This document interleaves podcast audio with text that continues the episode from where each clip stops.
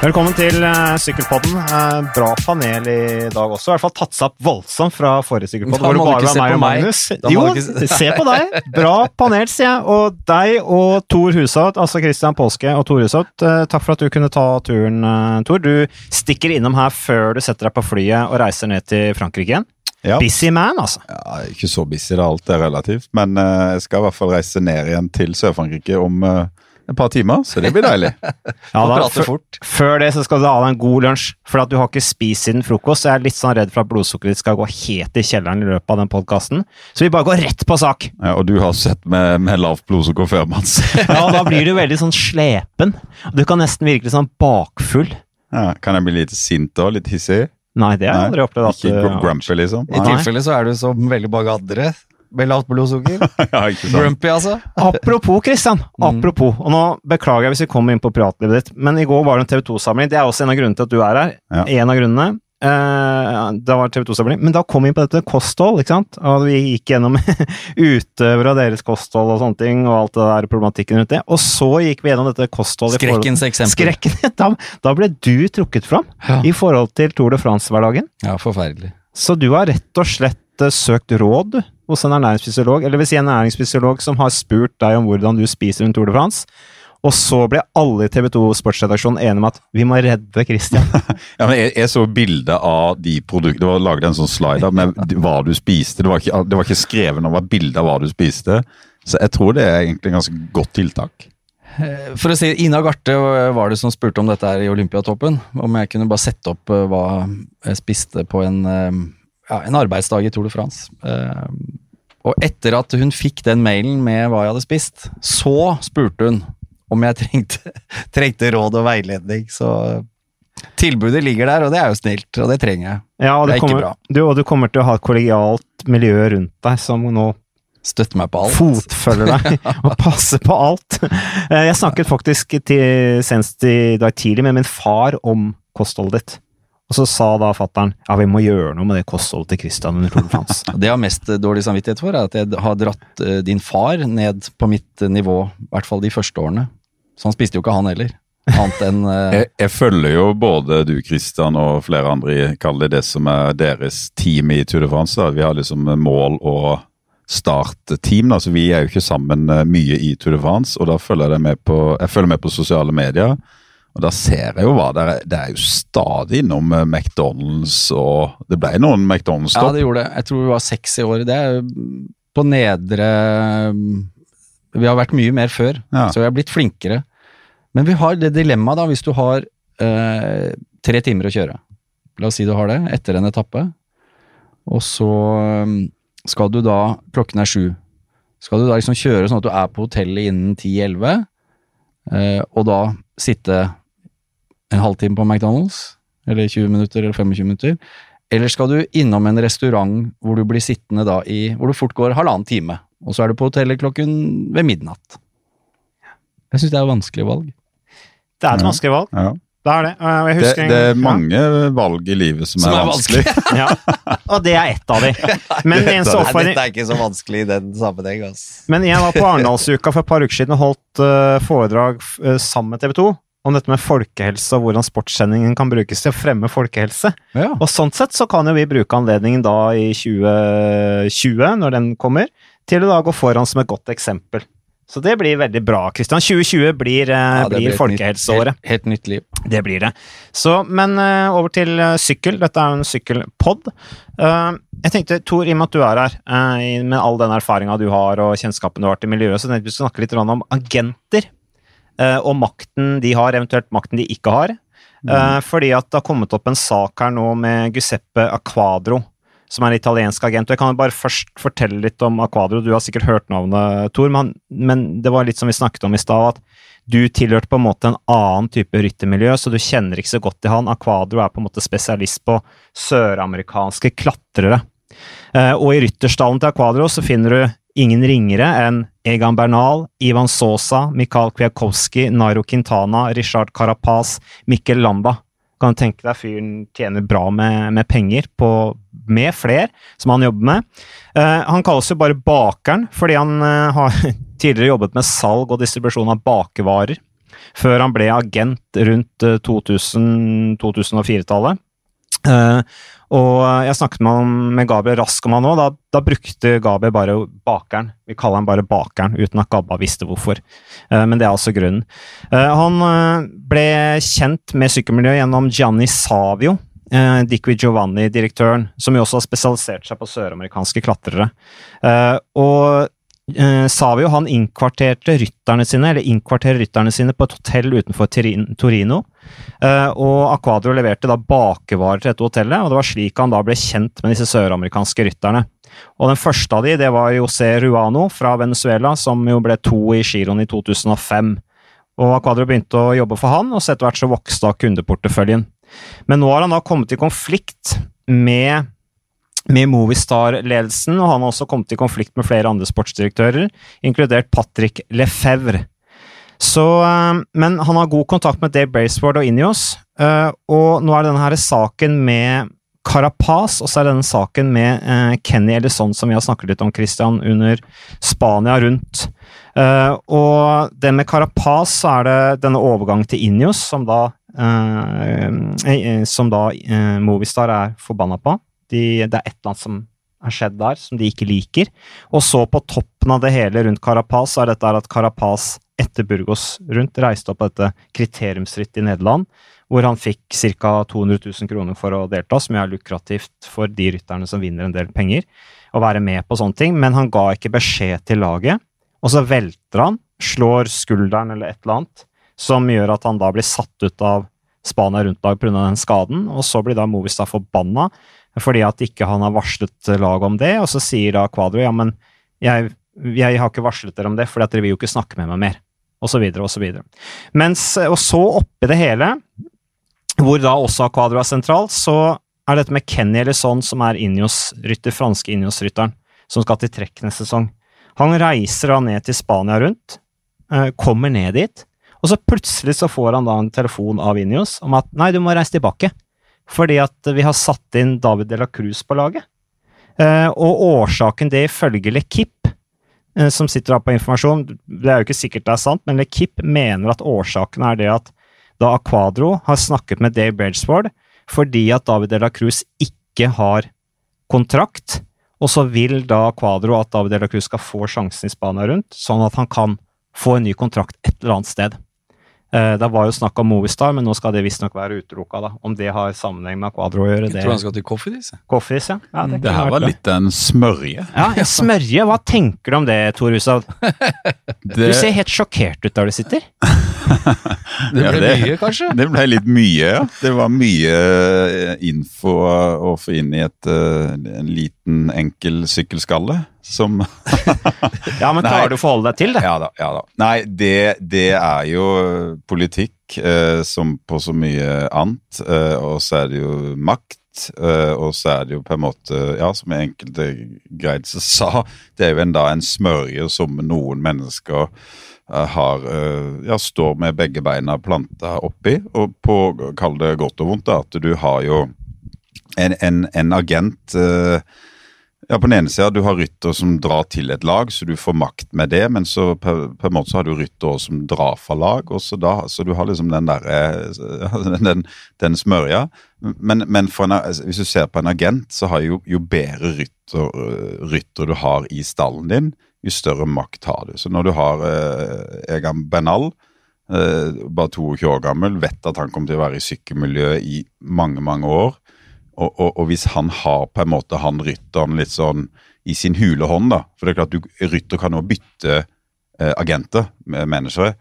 Eh, men hvis han på en måte har han, så, så, vil, jo, så vil jo lag eh, være inne med eh, da han eh, agenten. Mm. Ikke sant, til, til Bernal. Så det er klart det er jo en fordel, det er en makt han, han har.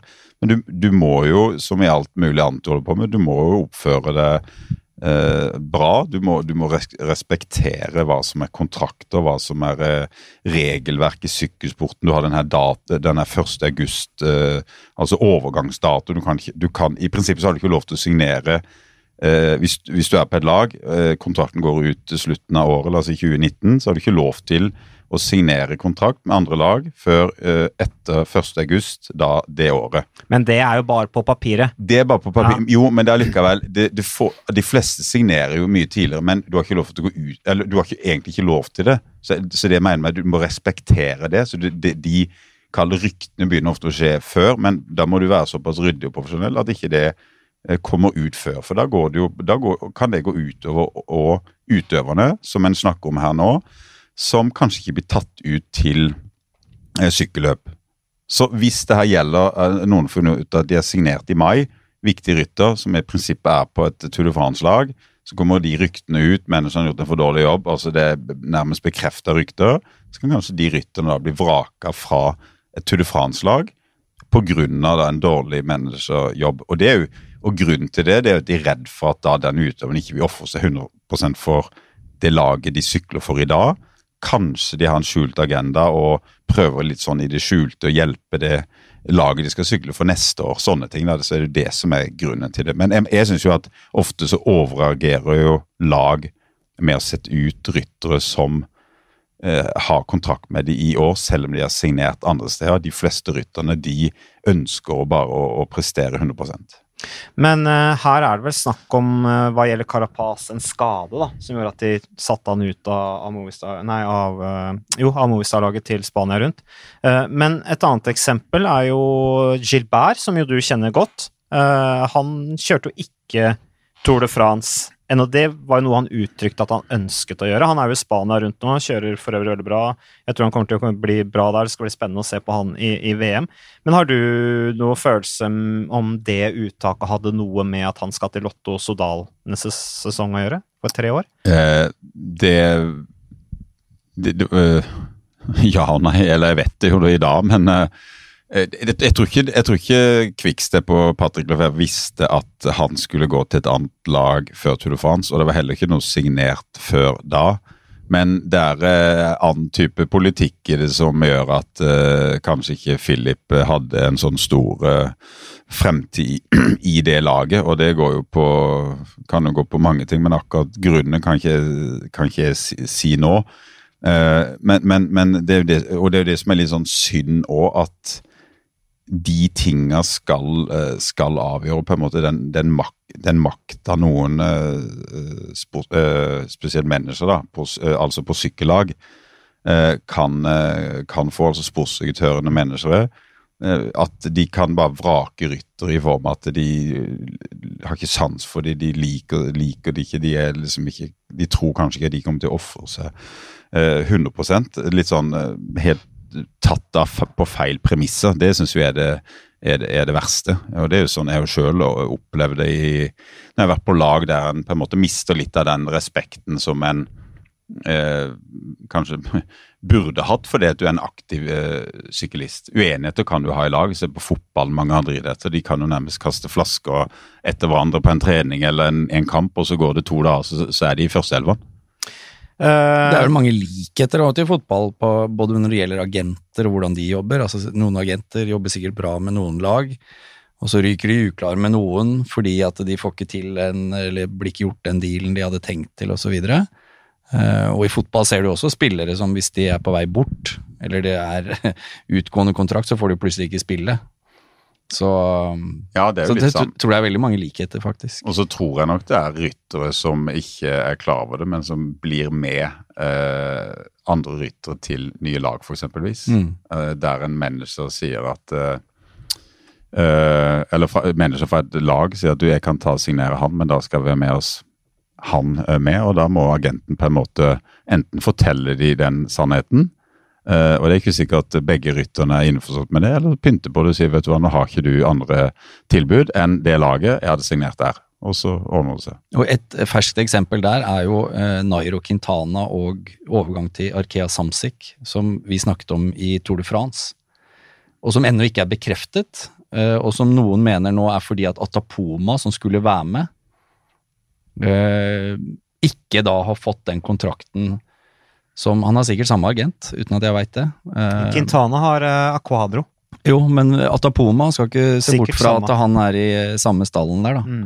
Uh, og at den dealen da ikke er gått. Og nå har jo i hvert fall colombiansk presse begynt å skrive om at, at Quintana kanskje skal til UAE isteden. Ja, jeg kommer tilbake til det. Det er jo en vanvittig smørje vi sitter oppi her nå. Jo, er, jo men det er, det er jo spennende òg, da. Ja, absolutt. Men uh, er det, tror du ikke at uh, Aquadro, altså du, Movistar-laget med den ledelsen de har der, Unso blant annet, ikke sant, som er en av de store gutta uh, Vi har nevnt Patrick Lefebvre i forbindelse med Gilbert og The Cunning Quickstep. De gutta der på en måte, de, de er høvdingene i internasjonal sykkelsport på mange måter.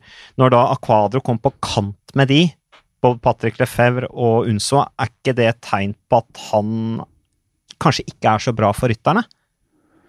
Jo, på en måte, men uh, han sitter med en så sterk rytterstall uh, at han har den makta uansett. Så lag som vil ha Quintane eller uh, Egan Bernal, kommer til å ringe han uansett. Men det er ingen tvil om at hvis du faller ut med en, en teammanager som Patrick Lefebvre, så har du jo dårligere forhandlingskort. Det er jo et lag som de fleste rytterne ønsker å, å komme på. Uh, og Én ting, ting, er jo lederne, uh, altså de, beste syklistene i verden. De har jo Alle lag vil jo ha de.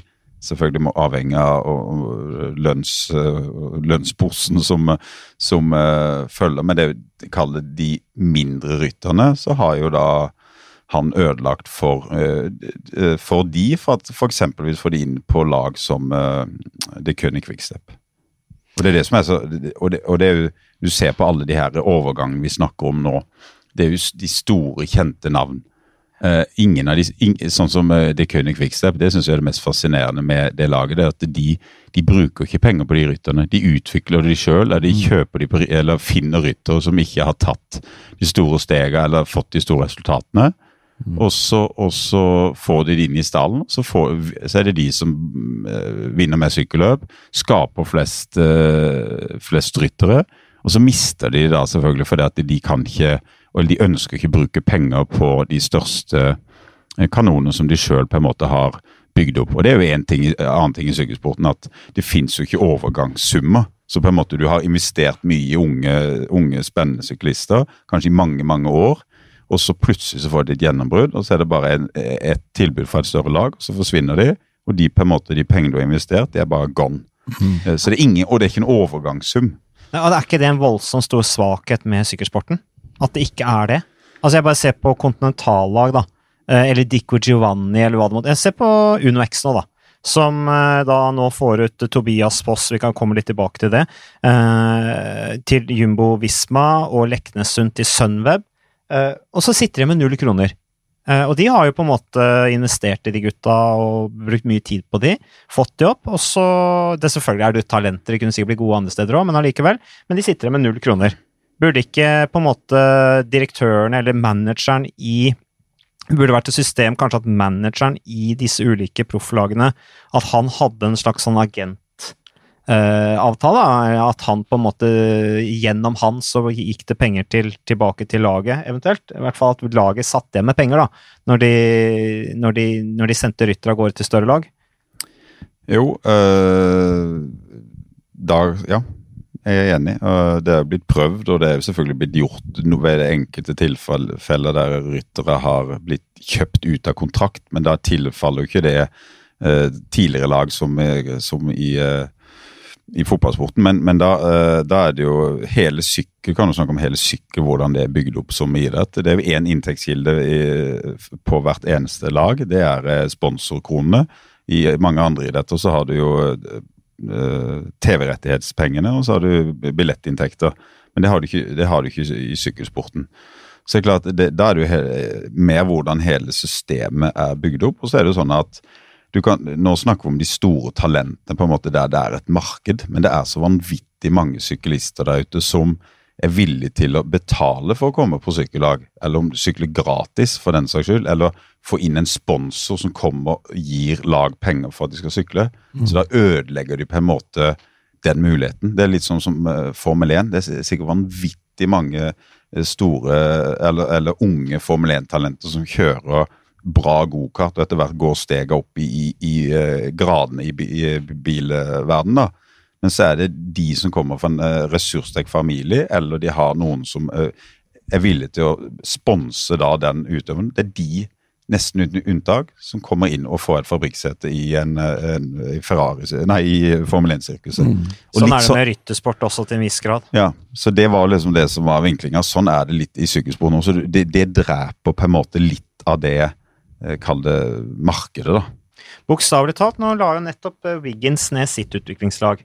Nå ser vi det ene utviklingslaget etter det andre i Storbritannia som har rekruttert masse proffer til større lag, blir lagt ned. Ja. Nei, det, det, kunne kanskje vært de siste lille kronene da, som gjorde at kanskje Wiggins fant at ja, vi kan ha et budsjett neste år og likevel fortsette å satse på dette laget. Ja, og, og jeg, jeg, hadde jo i, i, mange år, i var det seks, nei syv sesonger Først var det Team eh, Plussbank, så ble det Team Sparebanken Sør. Der vi, eh, vi hadde Vi var en av de som er lavest budsjett, altså nå snakker vi tredje kategorien, altså kontinentallag i Norge lavt budsjett, og jeg, jeg, jeg, hadde bestemt at vi skal ikke hive oss på noe, noe lønnskamp eller noe budkrig rundt uh, talenter. Vi, skal, vi tilbyr dem en uh, sportslig pakke, og det er det vi kan tilby, med uh, lite honorar, da, eller lite stipend. Mm. Og så hadde vi kanskje hatt ryttere som var ukjente. Ga de tilbud, det tilbudet, de var superhappy, og det er Carl Fredrik Hagen. jeg kan nevne ganske mange. da. Amund Grøndal Jansen. Ja, Amund Grøndal Jansen. Mm. Og så har vi, har vi, på en måte fått de, vært med og bidra til de blir bedre, da. Skal, nå skal ikke vi ta på oss for mye ære. Sånn Sindre Lunke. Ja, Men så går de til andre norske lag. Så på en måte, jeg tror nok for Uno X er det en seier hvis de klarer å utvikle ryttere til at de kommer ut i den store verden, og de oppnår sine drømmer om å bli proff på noen av de store lagene, kan kjøre da det de, de løper de drømmer om Tour de France etc.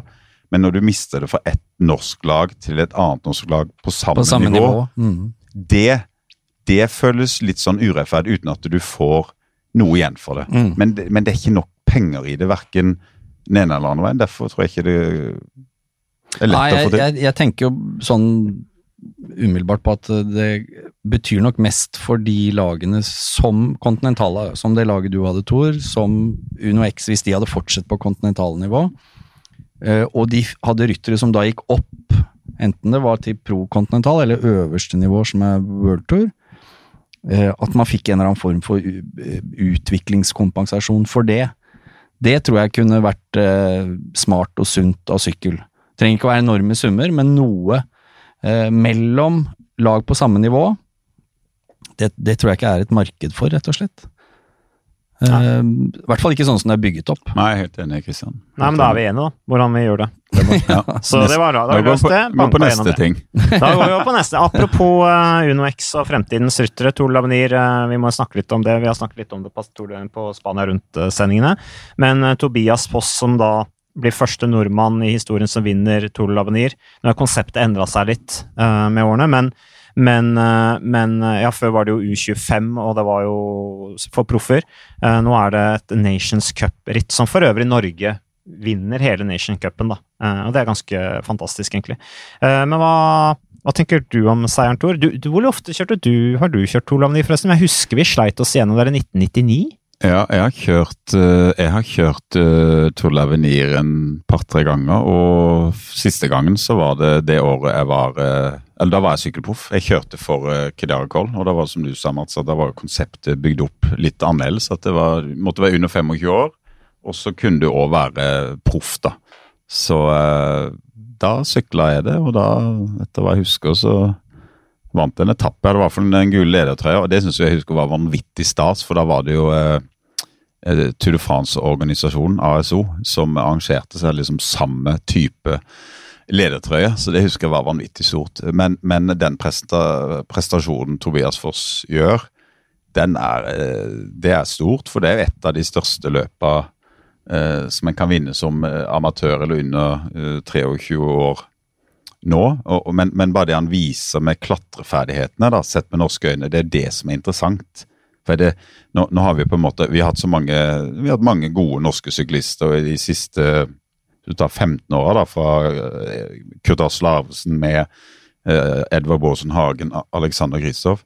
Vi har nesten vært dønn uh, like, mm. like type ryttere. da, Sånn eks, eksplosive satser på klassikerne, gode når det er halvhardt, gode når det er litt sånn oppoverspurt. Mm. Liksom, men nå har vi liksom Tobias Foss, Andreas Leknesund, som er liksom det klatrere, og de er liksom ja, fremtidens klatrere. Så hvis en klarer liksom å eller, Og de klarer å nå gjøre de riktige valgene, bygge videre på det eh, Jeg mener sjøl de har signert for veldig bra lag, begge to. Eh, gode valg. Eh, så hvis på en måte en klarer å utvikle videre og få noen av de til å kjempe om en topp ti-plassering i Tour de France. Det er, ja, det, det, det, er det norsk sykkel uh, mangler, og det hadde jo hjulpet veldig for eh, TV 2. Hvis en kunne tenkt når du og Johan da kan sitte og snakke om uh, mm. en nordmann som sitter der liksom, i, i, i teten opp både fjellet i Pyreneene og Alpene.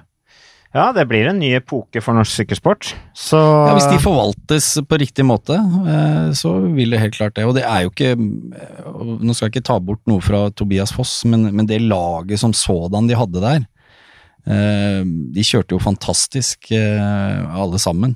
Torjus Sleen også. Og Tobias Foss gikk jo så langt og sa at Torjus Sleen var kanskje den sterkeste av oss. Eh, som dro han da opp eh, fjellene på de siste etappene. Det, ja, det så, så det er ikke bare Tobias Foss, altså. Det, selv om det er han som står igjen som, eh, som vinner der, så, så, ser det ganske lyst ut, det må jeg jo si.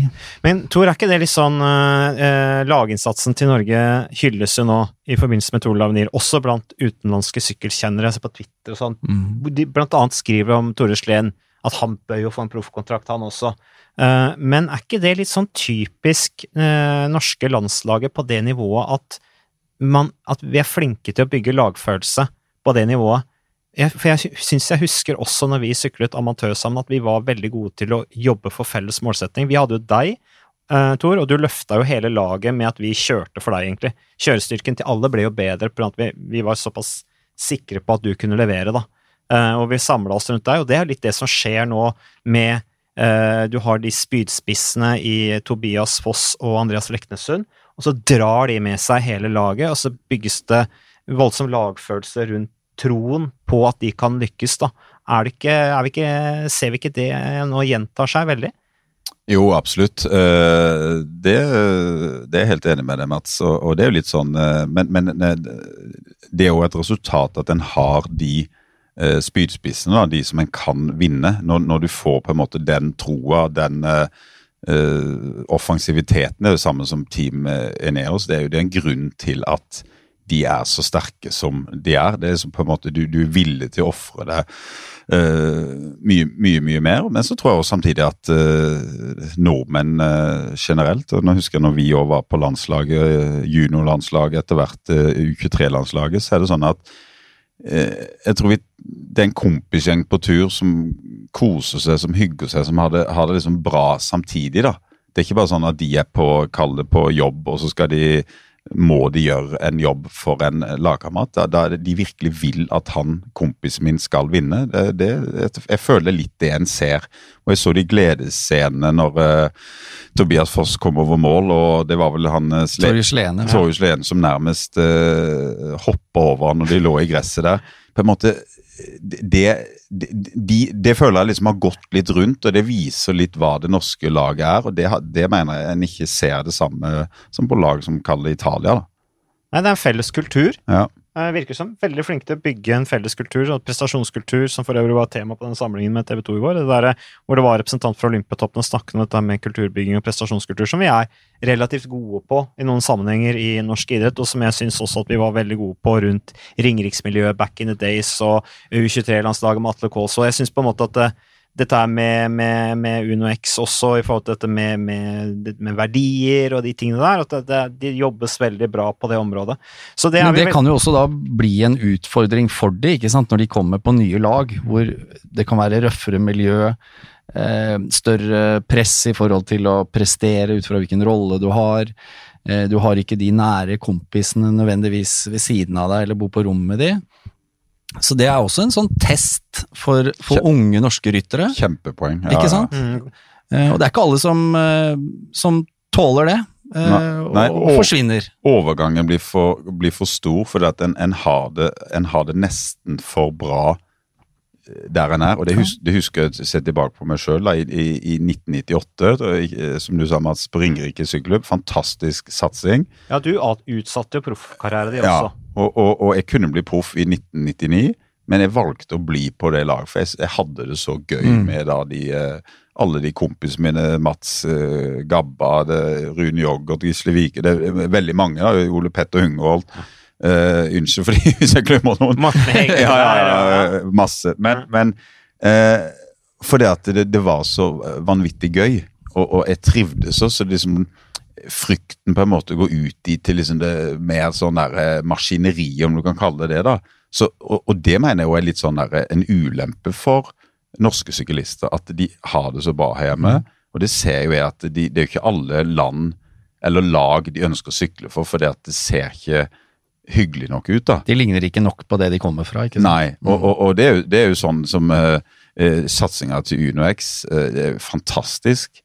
Men hvis de UnoX gjør det så bra for de norske syklistene, de betaler så bra at de egentlig er fornøyd, at det blir en sånn derre sovepute Her vil egentlig jeg være. Mm. Og, og lag ikke Eller på en måte de blir på der de er nå, da, og ikke går videre så det, kan det være en Det er i hvert fall en, sånn, en litt sånn varsellampe som blinker litt, og tenker på at her må rytterne av og kanskje bare kastes ut i det mm. for å utvikle seg videre.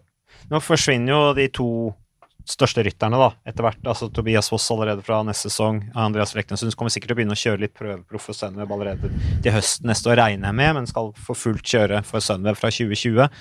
Men 2021. 2021, mener jeg. Unnskyld. Uh, og, uh, men, men, for din del, Tor, når du ble proff i Kridiarikol, så opplevde vel du akkurat det samme? Ja, det, det var, og det opplevde jeg sammen med deg også i det laget. Det var, det var plutselig så Det var ikke et lag mer, det var klikker internt i laget. Selv om vi for så vidt hadde det hyggelig i Kridiarikol. Uh, eh, men, men det, det, ble jo noe helt annet, fordi at det ble så mye større miljø også. Ja, ja, det var, det var enkelt og dritkjedelig. Ja. Jeg, jeg, dro fra to år med den fantastiske gjengen på Ringerike sykkelklubb. Det var en kompisgjeng som var ute og hadde det gøy og tulla og lo. Kommer jeg på et fransk lag, kan ikke et ord fransk. Eh, de, de tulla lite grann, skjønte ingenting. eh, vi dro ut og kosa oss kanskje litt og uh, tok en dessert eller et eller annet sånt, så får du kjeft. Og så kommer du tilbake etter en trening og ja, nå skal jeg spise litt, og så får du kjeft for du spiser for mye. Og så uh, seinere så går du inn til legen, han sjekker magen din, nå må du ned i vekt. Uh, sånn, Det var beinbrutalt. Så det er klart, det, er klart, det, det syns jeg var en vanvittig overgang. Og så var det ikke sånn at når tilbake på det, så var det sånn åh, det var 15 fantastiske år som proff. De der første årene var brutale, men det var jo steg jeg måtte ta for å ut, utvikle meg. da. Jeg hadde, aldri, jeg hadde aldri gått en annen vei den da i dag. Men, men, men det skjønner jo òg ryttere av og til, hvis du er ute og kjører løp eh, der vi bor på samme hotell. Så sitter jo da andre lag, så kan du se bort for, for eksempelvis på Kan ta teamet Katusha, da, som eh, er eh, litt sånn eh, russisk prega lag. Med, med ikke, ikke, den, kalle den identiteten Eh, for det er ryttere fra mange forskjellige nasjoner. så det er ikke sånn, Noen klarer ikke å snakke språk engang. Så ser du la stemninga rundt middagsbordet om kvelden, og så sitter det en, kall det en 20 år gammel eh, eh, stort talent som bare tenker at skal jeg sitte der neste år, rundt det middagsbordet, ingen snakker, det ser trøkkende ut, det ser ikke noe gøy ut, så ser jo ikke det, så ser ikke det fristende ut. Og sånn ser en når en mm. lever i det her lille miljøet. Men samtidig så syns jeg ser eh, på de ja, 15 årene som jeg har vært heldig å få lov å følge dette, så har det skjedd ting. Altså Det virker som at det er mange flere lag som, som tar det der med å, å få hele gjengen sammensveiset seriøst, da. Det, det er mulig jeg tar feil, men uh, man ser i hvert fall en del av i og med at de nå er mer eksponert gjennom sosiale medier og sånn, så, så, får man et litt sånn annen innblikk. Bora Hansgro, for eksempel. Det virker der som at det er en svær gjeng som, øh, i hvert fall på, hvis det er åtte stykker på et ritt, at alle er en del av den gruppa. Uh, og at Peter Sagan sikkert er en litt sånn drivkraften i å være litt crazy, og, og her må vi alle sammen uh, spille på lag, eller så vinner ingen av oss. Ehm, det ser litt sånn ut på Jumbo Visma. Uh, Syns man liksom det er flere som tar det derre teambuilding-aspektet mer seriøst, da. virker det på meg. Ja, det er helt, eh, det er helt enig med deg, men det er ikke alle som på en måte får det til. Nettopp. Og, og det er ikke alle som Av og til, da, du snakker om teambuilding. Du kan, du kan snakke og gjøre så mye om teambuilding du vil, ha fokus på det, gjøre grep. Men det er ikke alltid du bare klarer Det klaffer, det stemmer ikke. Du får ikke bare riktig det, det, De menneskene som er der, du får liksom ikke det til å, til å sitte. Eh, og sånn er det jo selvfølgelig i, i, lag eller arbeidsplass eller hvor, hvor, hvor det er hen. Og sånn er det selvfølgelig på, på, eh, på sykkellag. CSC Saxo Bank var jo de første som virkelig seriøst begynte med lagbygging, altså helt sånn systematisk, ved at de reiste opp blant annet opp i Hovden, opp i fjellheimen der, med mm. alle rytterne, ikke sant, putta de på noen plankeski, og så skulle de gå uten mat i Eh, og det er jo noe de har videreført, også som Kurt har tatt videre også inn i Uno Extra. Det der å faktisk være sammen og slite. Og det gjør man jo mye på ritt og sånne ting, da. Men å bare samles bare for å bli kjent med hverandre. Og de hadde folk der som observerte litt sånn folks styrker og svakheter, og de prata om det, og så hadde de en gedigen fest etterpå. Det er jo litt den måten man kanskje må gjøre. Ja, en blir kjent på en annen måte når en gjør, uh, gjør typisk uh, sånne ting. Og så har en på en måte det som en sånn felles, eller fellesnevner. Eller på en måte en har gjort, opplevd noe uh, brutalt eller annerledes eller crazy sammen, da, som gjør da at det at den kommer litt tettere. Så det var det som var ideen til Bjarne Riis den gangen. Og det, ja, det var jo suksessfullt, det. Og det er flere i ettertid som har kopierte. Eh, selv om på en måte jeg føler det nå er litt sånn ute igjen. For nå er det blitt så fokus at nå er det liksom istedenfor å bruke tid på det, så er det møter, eller det er vindtunnel, eller det er informasjon mm. om uh, watt. watt, og det er kosthold og eh, så, så sykkel i dag, og det er jo Team Sky sin uh, fortjeneste, eller det er på en måte de som har De har bare satt et helt annet nivå på profesjonalitet rundt alle sykkellag. Det mm. er så detaljer nå, så du har, ikke, du har nesten ikke tid til at en dag bare forsvinner bort på Kalle og går på noen planker på Hovden. da. Mm. Samtidig som de er veldig flinke til å liksom snakke om dette med laget, og at lag går først, og, og, og de tingene der, som de jo også ser ut til å være ganske flinke på. da. Det virker jo som Sky-laget, eller Injos-laget, unnskyld, fungerer ganske bra. Men der kan man egentlig bare konkludere med at jo mer man er sammen, jo bedre skal det bli. ja, og så må de stille krav til rytterne om uh, at de kan uh, snakke sammen, uh, tenker jeg. Altså, Jeg tror de har vært altfor sløve med det.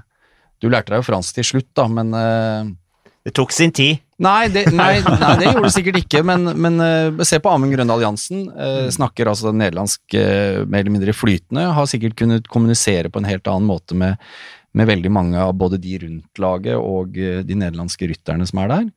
Vi hadde jo et eksempel nå oppe i Arctic Race, mener jeg det var, hvor det var um, Ilnu, altså på Katusha, da, Alpezin, uten å skulle henge ut det laget på noen måte, men Ilnu Zakarin, så vidt jeg vet, kan knapt noe engelsk. Han snakker i hvert fall ikke engelsk med noen journalister.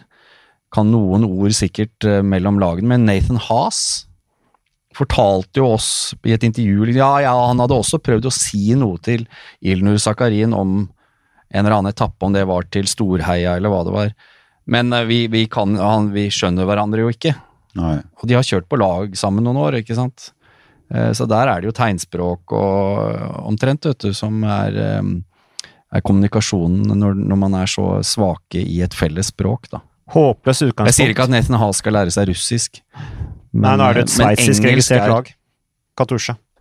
Ja, får vi se hvor lenge det Ja, det er jo et er lag som, som Men det er en annen historie. Men uh, det er en annen historie. Men uh, nok om det. Uh, Spania rundt foregår nå, som sagt. Det er femte etappe som skal gjennomføres i dag. I dag er det 28. august. Uh, men Spania har vært veldig flinke til å utvikle rittet. Eh, jeg syns de siste sju-åtte ja, årene særlig.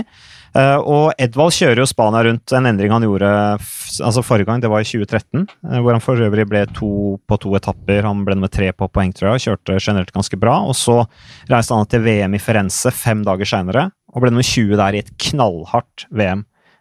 Lars Petter Nora ble nummer 12. Vi husker jo det fra uvennskapet mellom Quintana og Valverde, hvor de ikke klarte å hente hente han nei, portugise. Nei, Rodriges. Rodriges, mener jeg. Mm. Rodriguez, jeg er så vant til å si Quintana og Valverde. Rodriges og Valverde de klarte ikke å hente han godeste Rui Costa, var det ikke han som vant i 2013? Jo. jo. Så, men det var knallhardt. Edvald var opplagt i fin form. Hva tenker du om Bør han fullføre Spania rundt og så reise til Yorkshire, eller mener du at han bør kanskje stå av underveis? Hva tenker du om den endringen for, for Edvald sin del, med tanke på VM-form? Først så tenker jeg at det er ja, bra forsøk av Edvald å dra til uh, Spania rundt. Uh, men det som er så vanskelig å gi et si, fornuftig svar, det er fordi at hva er det med Edvald? ikke, jeg vet at han er lei av å høre det at gode, gamle Edvald, men for han, han, han, har jo heller ikke vist i år eh, det på en måte en kan forvente av han. Og, og så noen ganger så sier han sjøl jo, men eh, jeg er jo i form og sånn. Men hvis du ser på, kall det på lønnsslippen til Edvald, så forsvarer ikke den eh, de resultatene han har. og hvis en spør sjefene, så, så, er de selvfølgelig fornøyd med Edvald, men så godt han er betalt, så skal jo han vinne, vinne mange sykkelløp. Så, men hvorfor på en måte ikke han har blitt uh, hvorfor han er ikke så bra som en så han da, f.eks.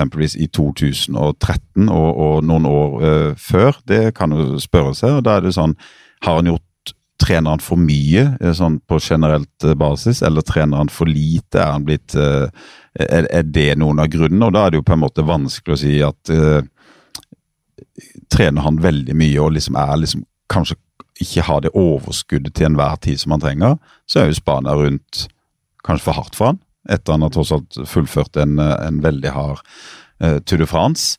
Men, men uh, er, det, er, det, fart i beina han trenger å pushe, seg sjøl, så er det en spaner rundt han trenger. Han har kjørt mye løp i år. Han, han, når han er ferdig med spaner rundt, så har han rundt 80 sykkelløp. Så han har, han har kjørt ganske mye, mye sykkelløp. Så jeg mener at han må bare følge med, følge med på utviklinga. Og, og, hvis han kjører seg sjøl i veldig god form, så har det eh, tørt å stå av spane rundt, pakke inn den formen og bare ta den med seg til sykkel-VM i Yorkshire. Men, Men du kjørte Da du ble verdensmester i 2010, så kjørte du Spania rundt. Mm. Men eh, fullførte du? Nei, jeg sto av på ca. etappe 14, 12-14. Og det var planlagt. Og, og, kjørte meg bare inn i bedre og bedre form. Og var, når jeg sto av spaneren, så var jeg bare enkelt og helt sinnssykt sprek. Men, men, men hadde bare etappen bestemt? Uh, du 12 eller 14, eller det er jo egentlig litt uinteressant. Det, var det liksom ja, jeg skal kjøre så mange etapper, og så? Eller var det litt sånn nei, jeg, jeg tar en dag til for jeg føler meg pigg? Det, det, var bestemt uh, veldig internt, men det er jo litt sånn, det er litt dårlig signal uh, ja. overfor andre lagkamerater, og ikke minst overfor arrangør, å på en måte stå av en, eh, et så stort løp og så viktig løp som Spania rundt. Så på en måte uh, Avgjørelsen var tatt hvis alt gikk som en på en måte en håpte, da. Og det gjorde det, så da sto jeg på den etappen som var bestemt på forhånd. Mm. Uh, og det informerte du lagledelsen om før du kom til Tour de France, eller før rittet startet. Du, du Spania rundt. Ja, Spania rundt. Du, du, hadde ikke, du hadde ikke sånn kjempebra kommunikasjon med Jonathan Walters på den tida der. Ehm, hvem var det du kommuniserte med rundt de, og hva sa ledelsen rundt det valget ditt? De ville ja. kanskje ha deg med videre? Nei, ja, så, så du, nå, nå bomma du med ett år, men det her var da siste året for, ja, stemmer det, stemmer det. i, i Cervelo ja. Ja, da hadde jo den mm. fusjonen, uh, sammenslåinga, allerede på papiret skjedd sammen, altså Cervelo inn mot Garmin. Ja, Garmin. Garmin men, men Carlos Sastre ville ikke ha meg med til, til Spania rundt.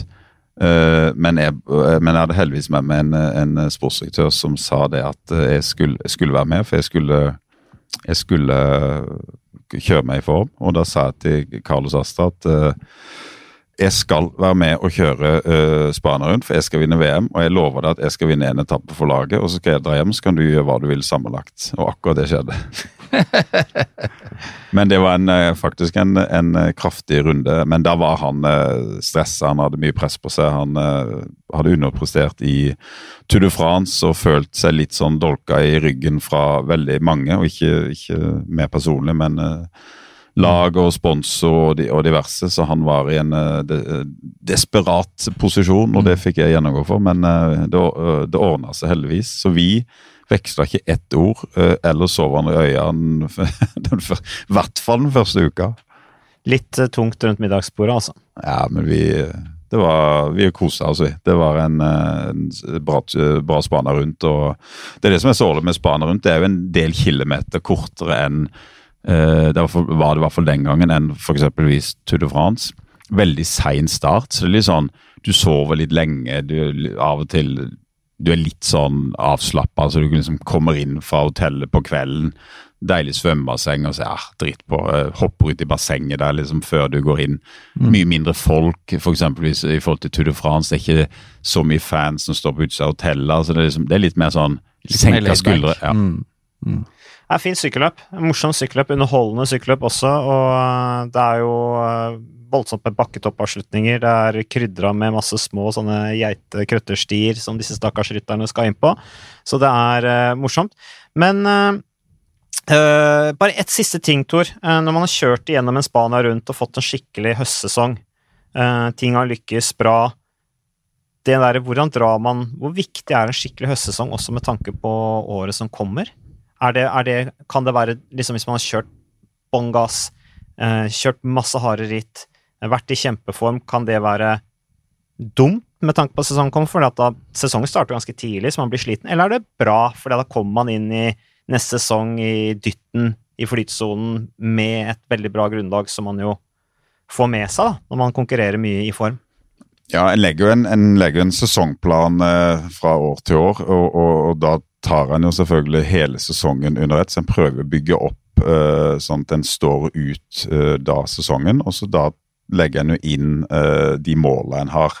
Uh, og, og det, uh, Ofte så er jo hovedmålet på høstsesongen for mange er jo da f.eks. VM.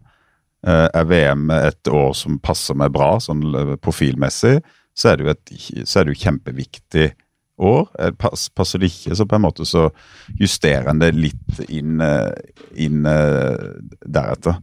Uh, og, og, så kan du tenke selvfølgelig på året etter. Uh, så en tenker på uh, totalbalansen, og så har du uh, totalbelastninga. Mm. Og så har du òg ryttere som Nå begynner jeg å gå tom. Jeg vet, ja, du begynner å få lavt blodsukker. Ja. Målet er å kjøre den podkasten så langt at du er helt tom. Ja.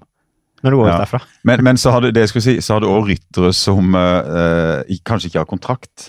Så for de så kan en høst være det viktigste som er, rett og slett for å få en arbeidsgiver for neste sesong. Det er det ganske mange av. Mm. Det er det ganske mange av. Så du, mm. du, får, eh, etter hvert kan du få en litt sånn desperasjon mm. uh, for, for, de rytterne. Så du har noen ryttere, på en måte de som har kjørt en lang sesong, som er slitne og lei. De, bare, de bare drar til sykler det de må, og de har kanskje kjørt inn de resultatene de er fornøyde med. Og så er det de rytterne som må få resultater for å på en måte minne på lag at du er, kan fortsatt sykle fort, og så redder de, redder de seg inn med, med, kontrakt. Så du får ha de der på høsten, de, de store skillene da, i, i, mange av de her løpene. Eh, men det gjør jo kanskje at det, det er derfor Spania rundt f.eks. blir så uforutsigbart som det blir. Altså Én ting er hvordan løypa er bygget opp, eh, men en annen ting er også hvor, hvor mange forskjellige interesser det er.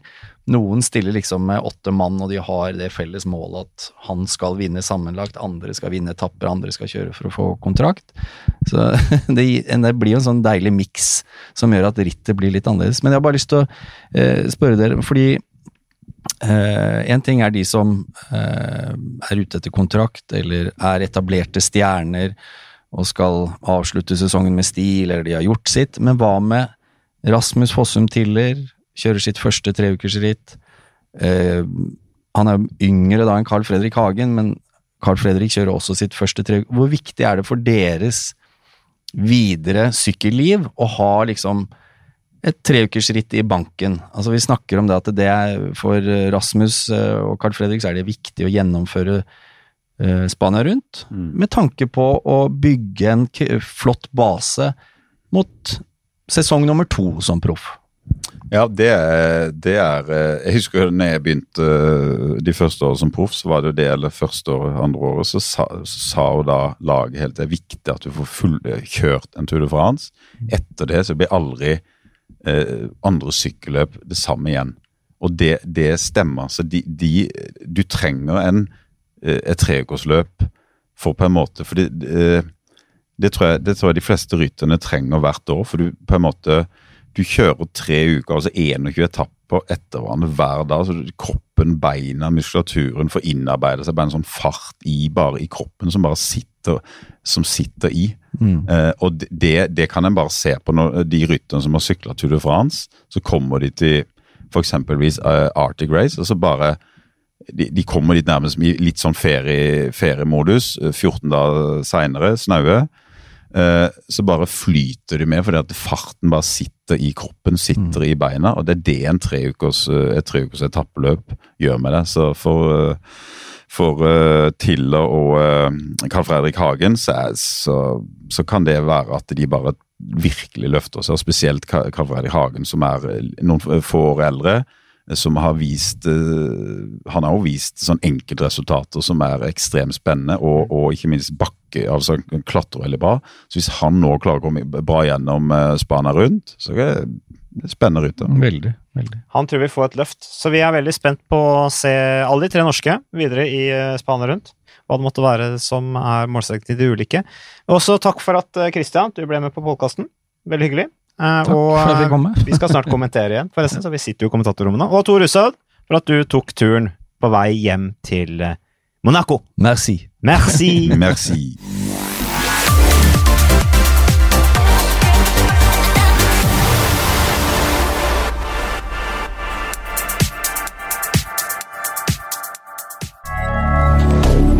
Moderne media.